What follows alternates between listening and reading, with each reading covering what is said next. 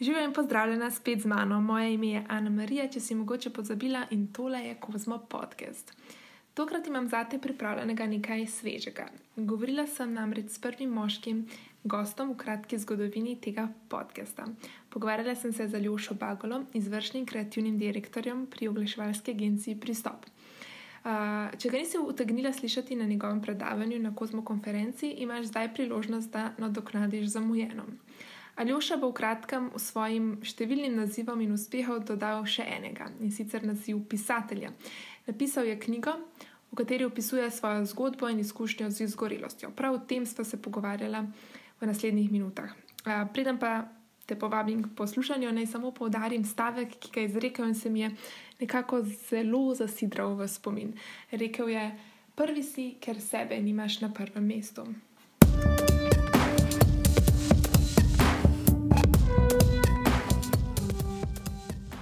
Najprej bi začela s tem, da ko sem povedala ta teden tvoji sodelavki, da bom imela intervju s tabo, mi je rekla, da mi ful zavida, ker si že celo življenje želi eh, tebe intervjuvati. Tako da mi je to kar en tak pritisk, da moram dobro izkoristiti ta.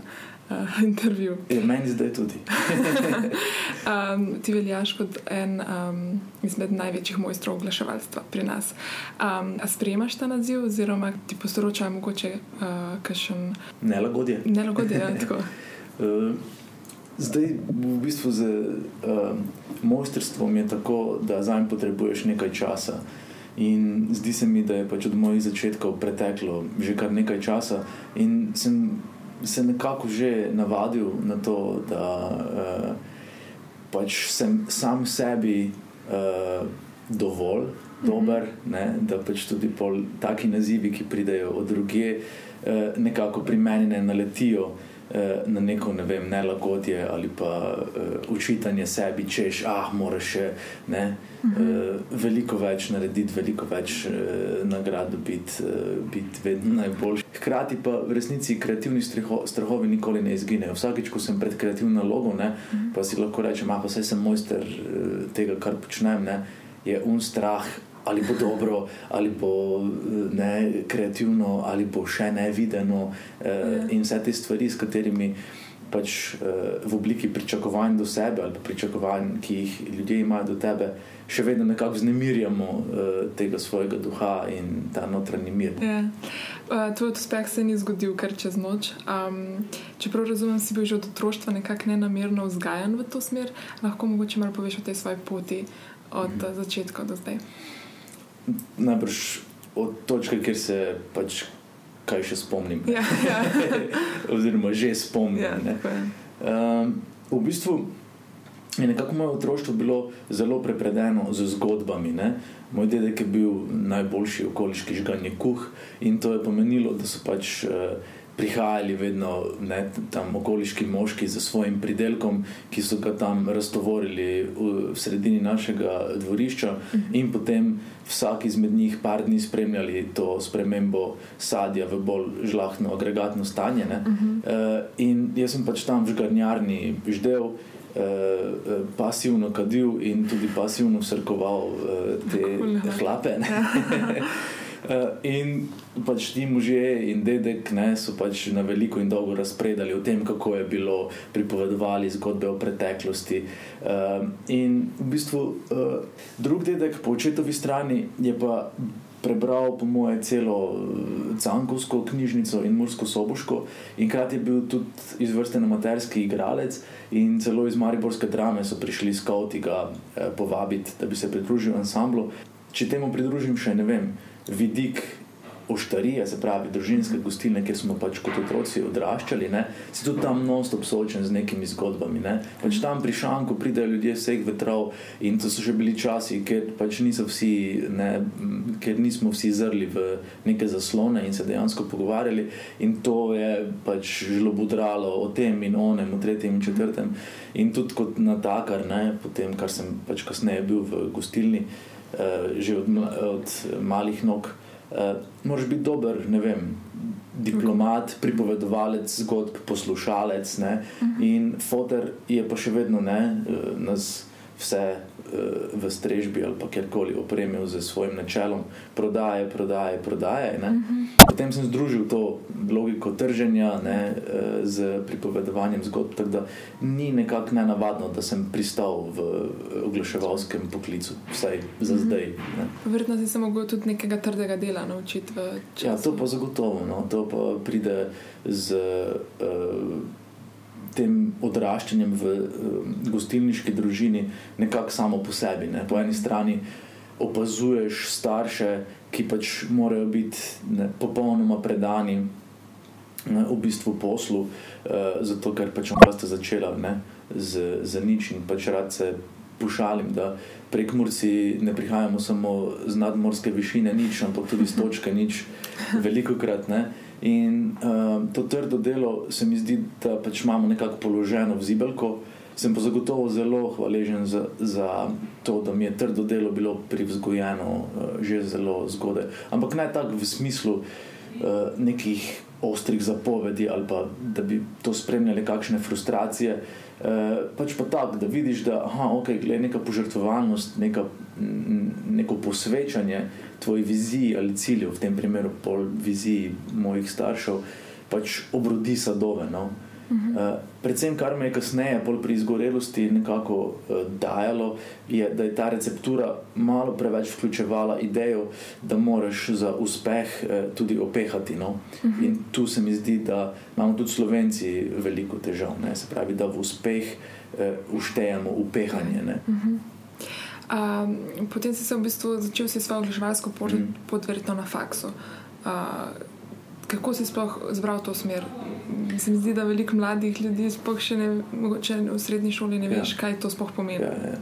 Uh, jaz sem tudi spadal med te. Uh, in spomnim se, da pač so vem, pač najboljši prijatelji iz gimnazije, Mursko-Soboške, že vedeli, ne, kaj bojo študirali, eh, pravo, ekonomijo, medicino. Mm -hmm. Jaz sem pa tam nekako v iskrenosti do sebe vseeno brskal med možnostmi, ki bi me malo bolj privlačile. Ne.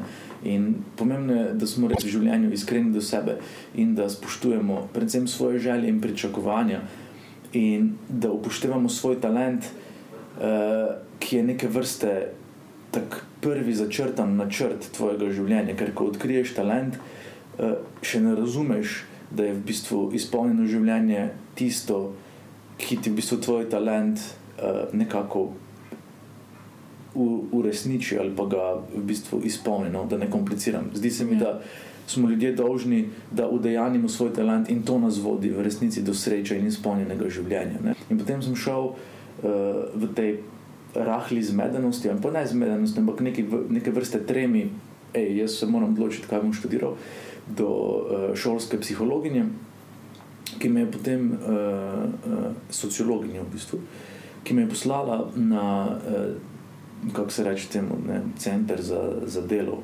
Um, potem sem tisto izpolnil, prišel nazaj in ona je rekla, ne, kot, da bi izstrelila iz tiste Baltazarjeve mašine. Uh, Najbrž ne veš, kaj je Baltazar, ne, ker si mlada in šlo tega. Uh, Da pa bi bila komunikologija zelo zanimiva smer za me, ne? ker pač se boje kreativnost, pa ne mm. marketinga. Uh, in sem rekel, ja, zakaj pa ne, ne. In sem se pač vpisal na to. Ne? To je bilo, recimo, profesorici slovenščine najbolj smešno. Potem. Ali še kaj bi že ti študiral? Ja. Komunikologijo, a ne, ha, ha, ha. Ne? Uh, in pač ja, tak uh, sem bil pač usmerjen in zdi se mi, da zelo pravilno in uh, sem hvaležen um, vsem, ki so ja. me usmerili, predvsem sem pa hvaležen sebi, da sem se poslušal. Um, kaj misliš, da v sodobnem svetu pomeni imeti izobrazbo na nekem področju? Se mi zdi, da mogoče sploh v tem družboslovnem svetu izgublja mm. pomen. Um, Kakšno je tvoje mnenje v smislu, da tudi na nek način najbrž zaposluješ ljudi ja. na podlagi izobrazbe? Jaz mislim, da je izobrazba neprecenljiva. Uh mhm. -huh. Moramo jo pa uh, razumeti v dveh pomembnih vidikih. Ne? Ena je v bistvu institucionalna izobrazba, ki vključuje, recimo, temu, mogoče malo preživeto formulo kopičenja informacij v naši glavi, eh, kar pač eh, prevajamo v znanje. Ne? Tako da sodobno znanje je v bistvu ne kopičenje informacij v svojem dolgoročnem spominu, ampak ustvarjalna uporaba že obstoječih informacij za nove rešitve eh, oziroma nove sklope, ki so pač ne vem, ustvarjalni, kreativni ali pač eh, ljudem v pomoč. Ne? Psiholog eh, Mihali, Čiksen Mihal eh, govori o flowu, ne? to je v bistvu stanje. Kjer dejansko, ne, če rečemo po domače, pademo not, ne, yeah. Ja. smo noter. Ne. In to je omogočeno samo, če ne moteno opravljamo neko nalogo, nek izziv, se učimo, smo v tistem trenutku in brez, kar je zelo pomembno ne, v današnjem svetu, brez uh, motilcev. Mm -hmm. Se pravi, če premislimo, naši možgani sploh ne morejo več priti v to idealno stanje, zato ker nam non-stop vse nekaj žvenke, ta blinka, utripa, kliče k pozornosti. Ne. In ta nenehna rekrutacija naše pozornosti nas popolnoma izčrpava. Ne. Mhm. Zato jaz, recimo, po izgorelosti sem radikalno uh, ukrepal v tem smislu. Popolnoma vsa obvestila na telefonu imam izklopljena, tudi SMS-e.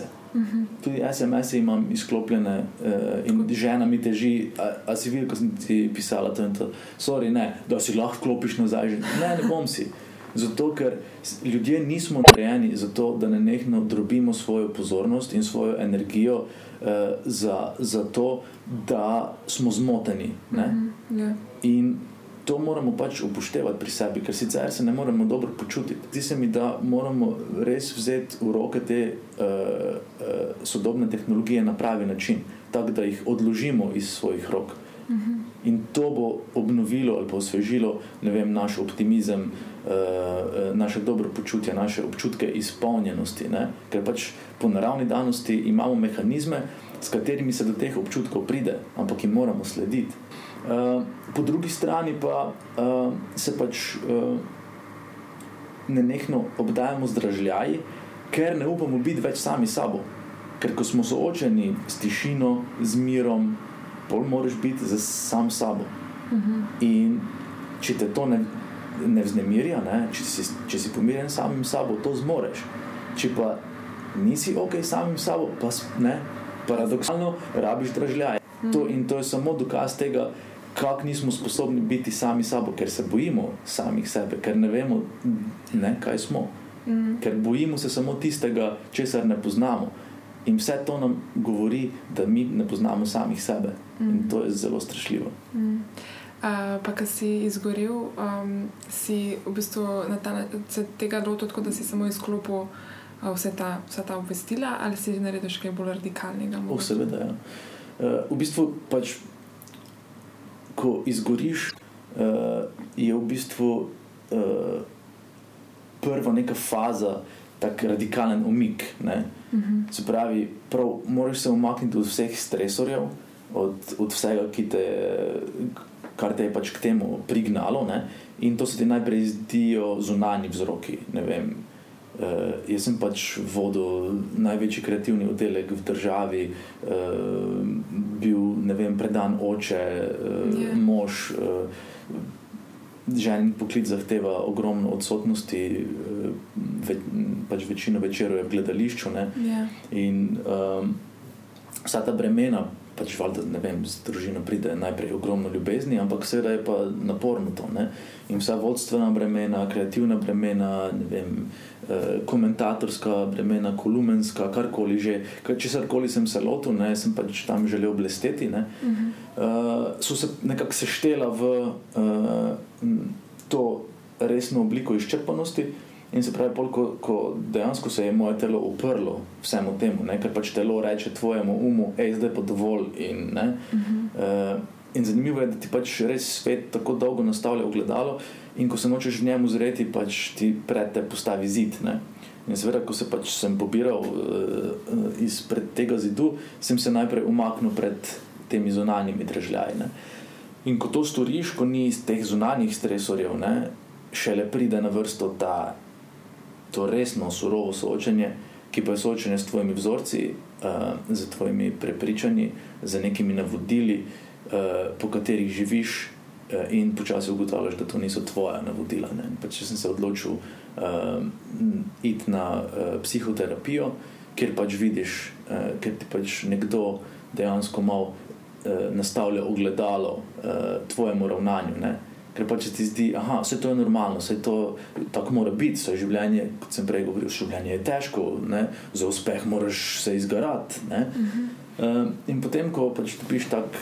Ne, par teh odbleskov nazaj, začneš te stvari spremenjati. Ne. Meni je bilo najbolj čudno to, da pač, ne vem, ker sem res strmoglavil na izjem, z izjemne višine uspehov in, uh -huh. in tega. Ne? In sem imel med pacem čas zmoliti oče naš, tako rekoč, ne? da se o tem pač ni govorilo.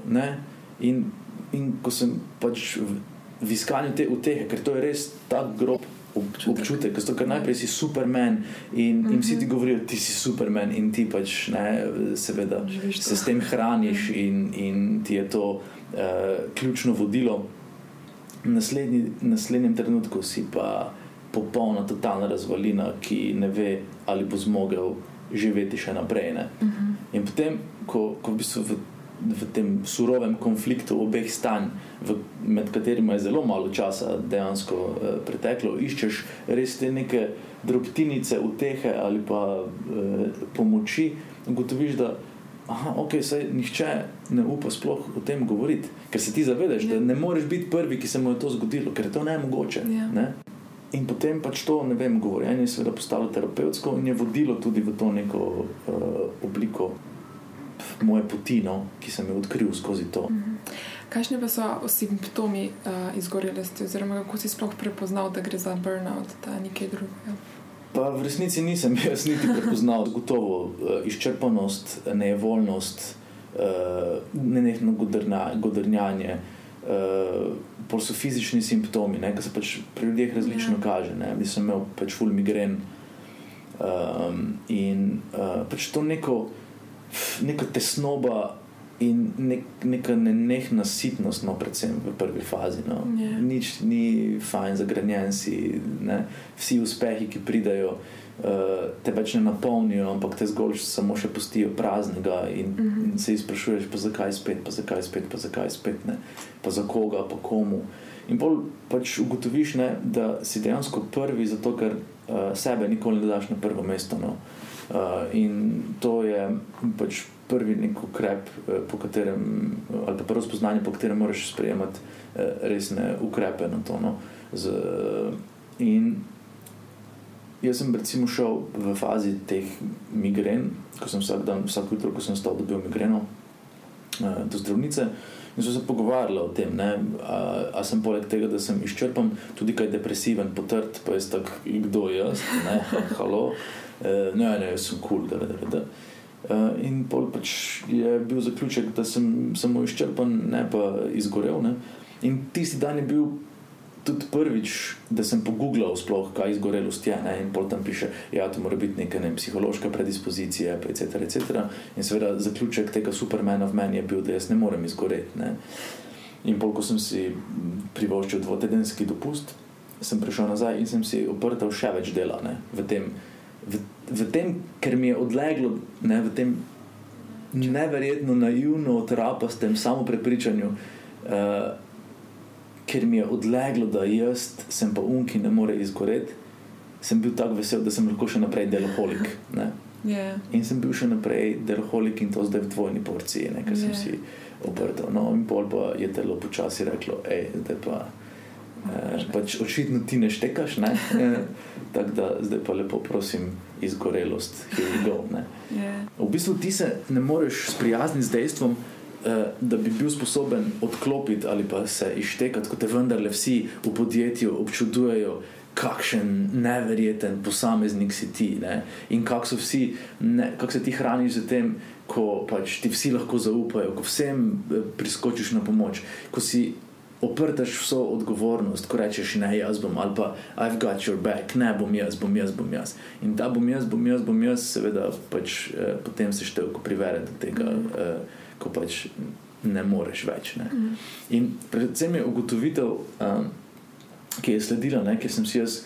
Eh, Pač zelo dolgo učitev, o moj bog, vse sem pustil na cedilu, naročnike, eh, firmo, eh, zaposlene, kolege. Eh, in pač kako sem lahko tako šibek. Ne?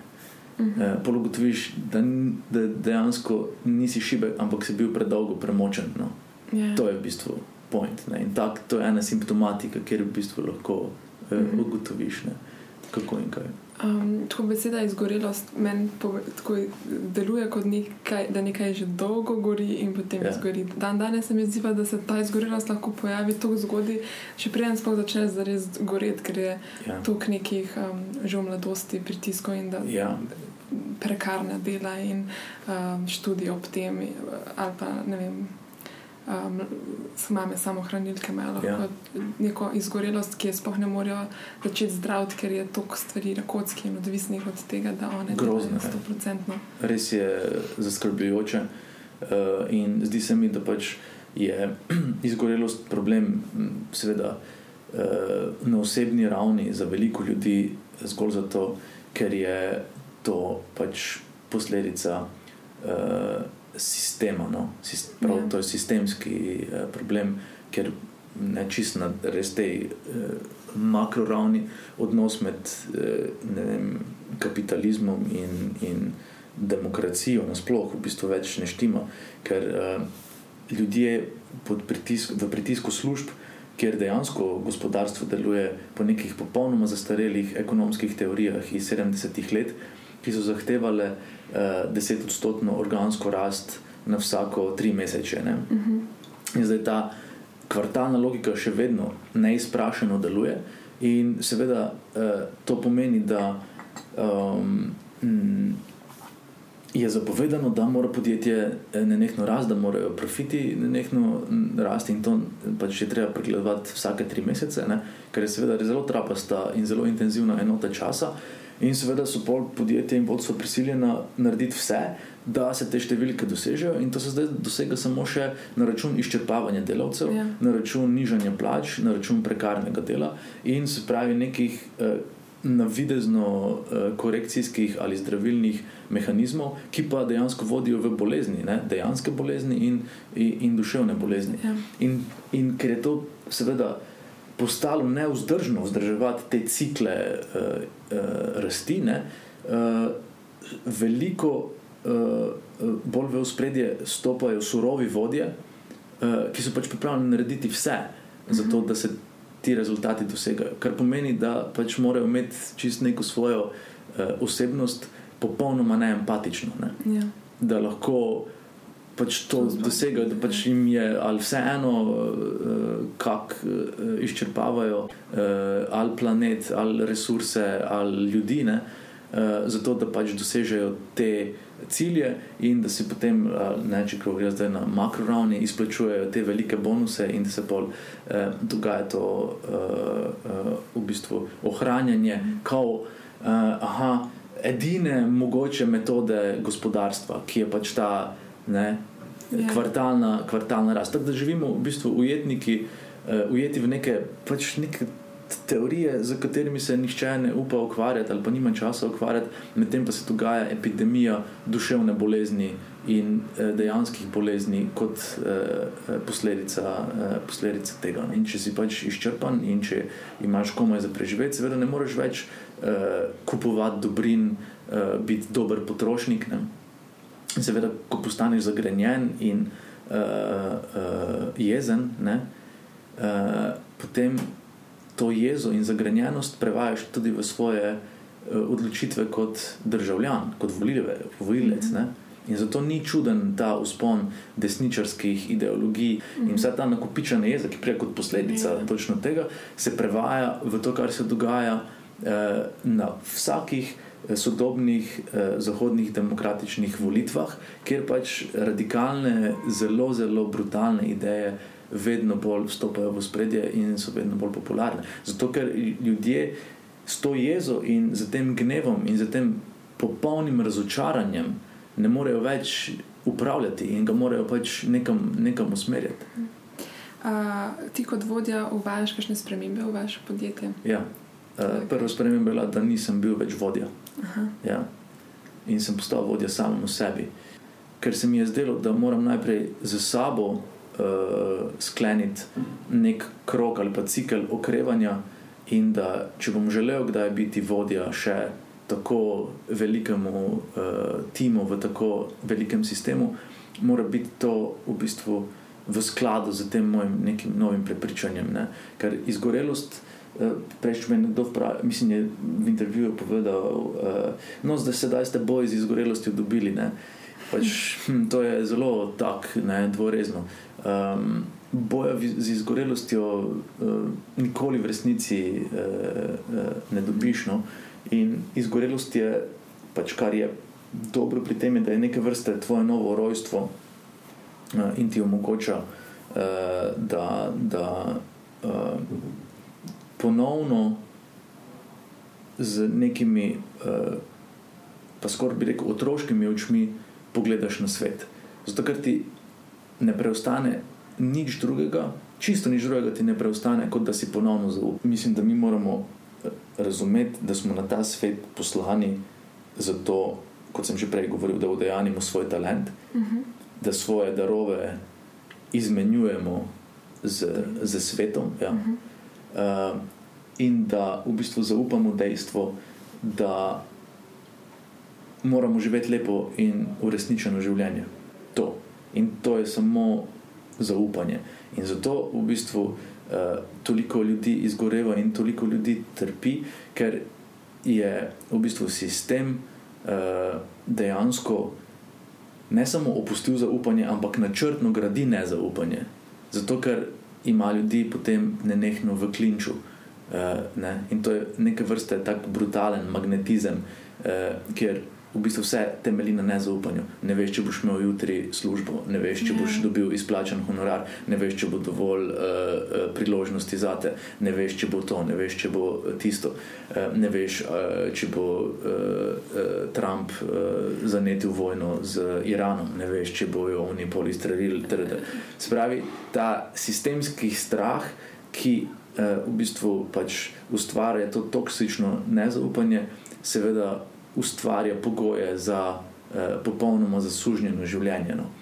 A, če gremo malo še na tvoj poklic, mm -hmm. a, delaš v oglaševalstvu, ki zadnja leta dobiva zelo slab prizvok. Mm -hmm. um, in slišala sem že, da si da to jasno tudi tebi. A, kaj se zares misliš o tem, oziroma kako um, krotiš slabo vest, mogoče glede uh, vpliva oglaševalstva na družbo in um, kje so tiste dejansko lepe, dobre stvari oglaševanja. Uh, nimam slabe vesti, uh, zato ker sem izbal, izbral pokri, poklic, kjer pač lahko uh, dejansko uh, moj talent pride na plano.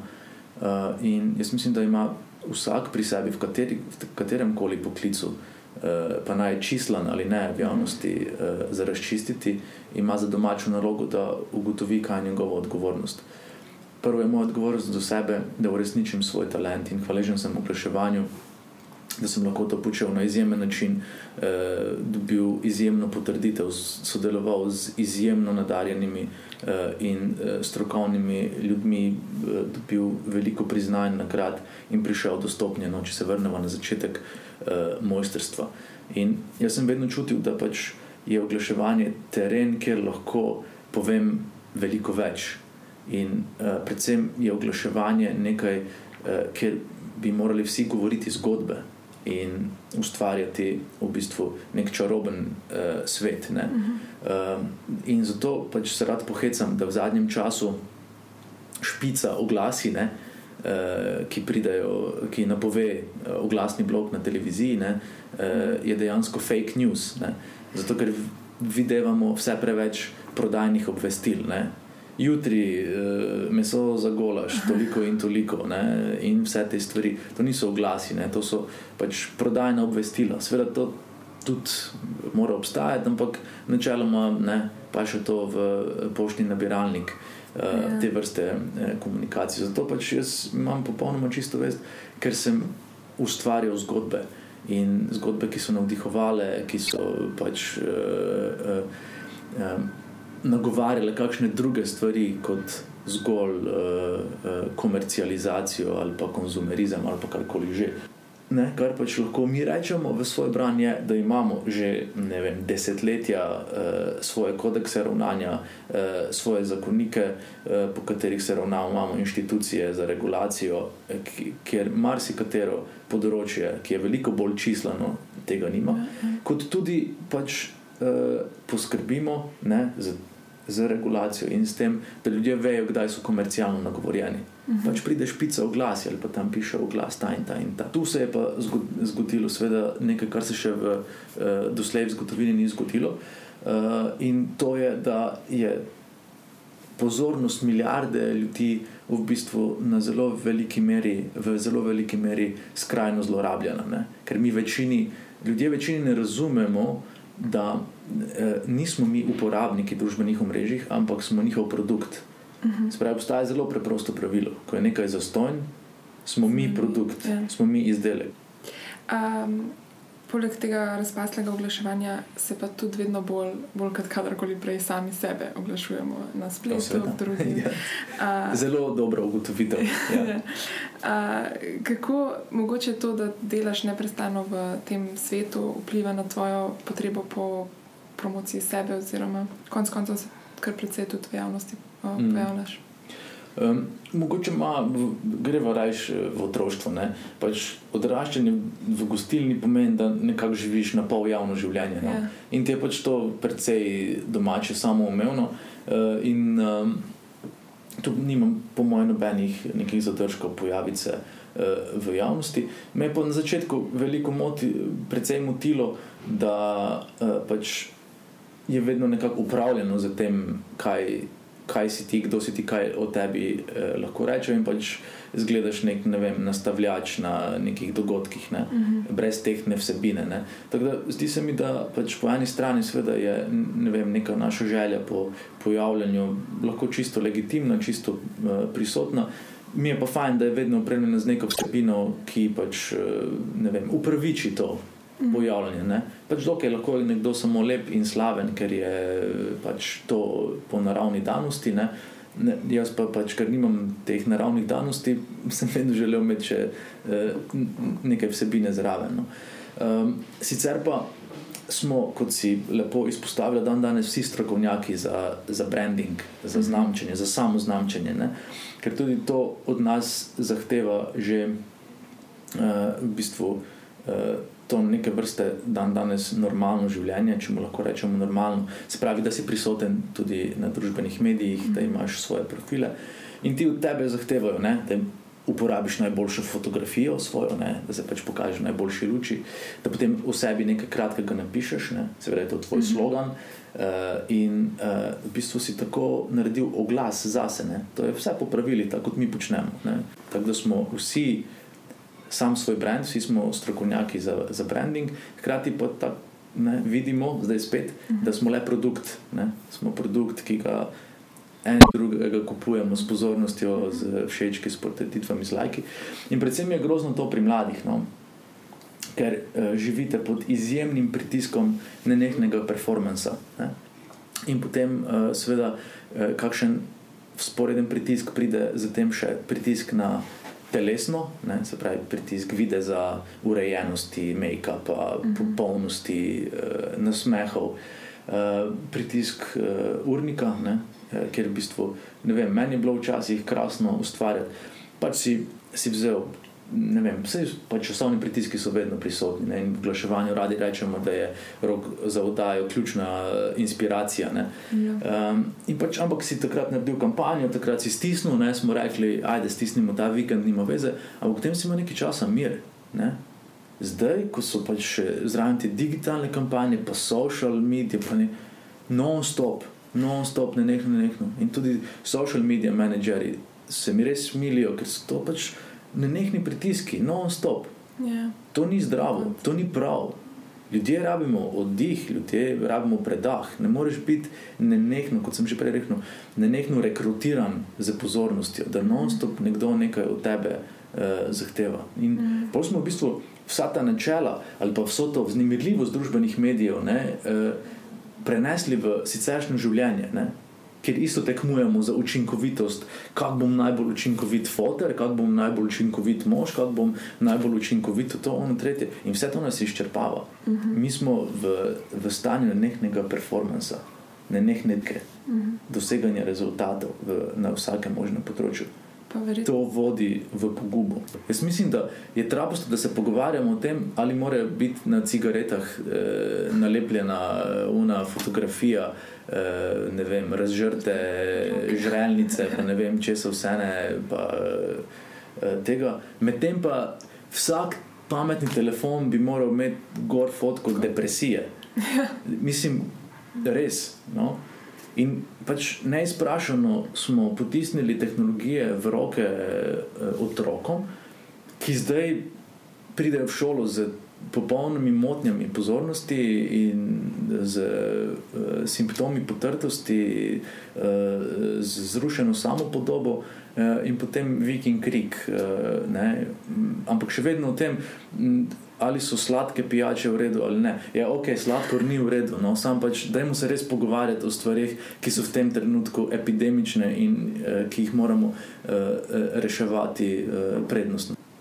Če gremo nazaj k temu oglaševanju samega sebe, kako pa ti v firmi, um, verjetno tudi kaj zaposluješ ali imaš te naloge?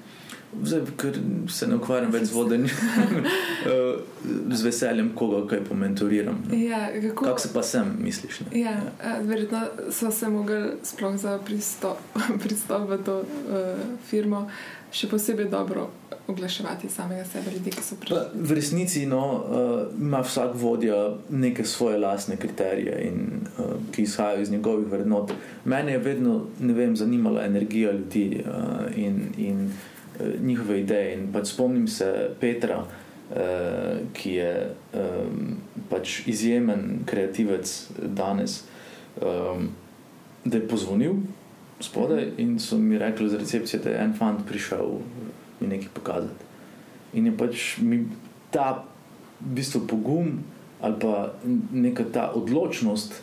Uh, ki je bila pospremljena pač z vem, njegovo pravi hravostjo, to neke vrste tako simpatično trčenostjo, no, kot ja. pač jo tudi prepoznam v sebi, včasih ali pa v otrocih, ko pač dobijo krasne mhm. ideje.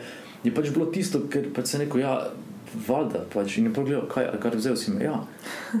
Ne, in zato se mi zdi, da to neko poliranje videza ali pa namer, ali pa eh, predvsem to neko. Eh, odlaganje, pa odlašanje, zgolj zato, ker še vedno nismo ustrezli, ustregli vsem kriterijem, ki jih imamo in vsem pričakovanjem, kako bi pa zdaj moral nekdo priti, da bi dobil ta job. Ne? Mhm. Je tisto, kar nas dejansko uh, uh, oddaljuje od uspeha v življenju. Ne? Ker vsak, ko bom in vsak, če bom, je samo korak uh, od naše sreče nas oddaljuje uh, v stran. Ne. Zato mi je zanimiv ta ne, Nike of Just Do It, ne, ja. ki dejansko uh, nagovarja to v bistvu našo željo po radovednosti, po znemirljivosti novega, po odkrivanju, po postolovščini, po pionirskosti. Ne. To mi je. V bistvu tisto, česar se je treba oprijeti. Zanimivo je, da je ta slogan nastal, ko ga je uh, Dan Wyden um, pač dan pred uh, prezentacijo filma Night of Chef Nike zapisal, da uh, je v bistvu uh, našel v lokalnem časopisu, um, ker je bila novica o tem, da so pač uh, usmrtili na smrt obsojenega na električnem stolu. In ko so ga vprašali, uh, uh, če ima kakšne poslednje besede, je rekel: uh, Let's do it. Ne. In njemu se je zdelo to tako fenomenalno, zato je zanimivo, da se dan danes milijarde ljudi eh, ne motivira ali za tek, ali za biti boljši, ali za dati vse od sebe. Ne, tako rekoč z poslednjimi besedami eh, morilca, oziroma na smrt obsojenega. Ampak po drugi strani je točno to, ker življenje se bo enkrat končalo. In, in če ne vmes ne narediš ničesar, ga nisi živel. Mm. In v bistvu ne smemo minevati v življenju, ne? moramo živeti v minevanju. Ja. In to je v bistvu opomin. Ne? Ja. Uh, najprej se ti pogled na svet tudi zelo spremenil po prihodu tvoje črke. Um, kaj si želiš za njeno prihodnost, kakšnega sistema, um, oziroma kaj je tisto najbolj pomembno sporočilo, ki bi ga rad predal? Uh, jaz jo vzgajam v prepričanju, pa Iva tudi, uh, da v bistvu mora imeti pogum za sprejemanje lastnih odločitev in predvsem uh, zaupanje vase. No to sta bili neki dve popotnici, uh, tudi v, ko je imela zdaj tremo pred šolo. Uh -huh. um, in čeprav ne razumem, mogoče tega je ful pomembno, da je veliko krat povem, zaupaj si uh, ali pa ji rečem. Ko, kaj izbira, kaj ne imam to, uh, naj s tem pobarvam, se neko, Sofija, ti se super odločaš. In zdi se mi, da ta glas, ne, ker glas staršev enkrat postane naš notranji glas, da, da te ponovitve, te repeticije, tudi če včasih se ne strinjam z odločitvami in se ja. zato trudim, da zelo razume, da so neka njene odločitve, da so pa neka njene dolžnosti in obveznosti. To mhm. se mi zdi pomembno. Ne? In da potem v tej naraciji, ki je pač vsakodnevna, in se moraš kot starš opomniti, ker velikokrat hitiš, krajati ali pa žugati ali pa opozarjati ali pa prepovedovati. Ne? Da se opomniš, ne, jaz hočem, da je da je ta moj glas, ki bo v njeni glavi postal njen notranji glas, da je opogumljajoč. -huh. da, da ustvarja zaupanje, ker samo zaupanje, pa naj bo sistem kakršen koli, naj bo ne vem, čez deset let voda, gladi, gladina vode, ne vem kakšna, ali ne vem kakšna kriza za hrano, karkoli že na kar jaz lahko malo, malo, malo, malo zelo malo vplivam. Uh, da ima noter zaupanje da odločitve, ki jih sprejme, vodijo v zadovoljivo in izpolnjeno življenje. Ker izpolnjeno življenje lahko, ne vem, ne rabi biti srečno na vsakem trenutku, to kot si zdaj prizadevamo v tej iluziji eh, tega optičnega optimizma, kot mu pravim, ne, na družbenih medijih, uh, uh, kot pač hitimo to uprizarjati, pa si pre, prevesti. Uh, srečen sem, če bom imel. Uh, 30 tisoč uh, srečnih objav uh, na koncu svojega življenja. Ja, in kaj, kaj pol ti bojo na nagrobnik vklesali, število doseženih všečkov, in pol boš rekel, da živel sem všečkljivo življenje, ki pa ni nujno všečno. Uh -huh. Tako da pač prizadevamo si živeti izpolnjeno življenje. In to pa je življenje, ki, do, v katerem se lahko tudi dokopljamo do zaupanja vase. In ko na eni točki pridemo do tega zaupanja vase, do te svoje odkritja, svoje, odkritja te svoje notranje moči, potem res lahko začnemo živeti.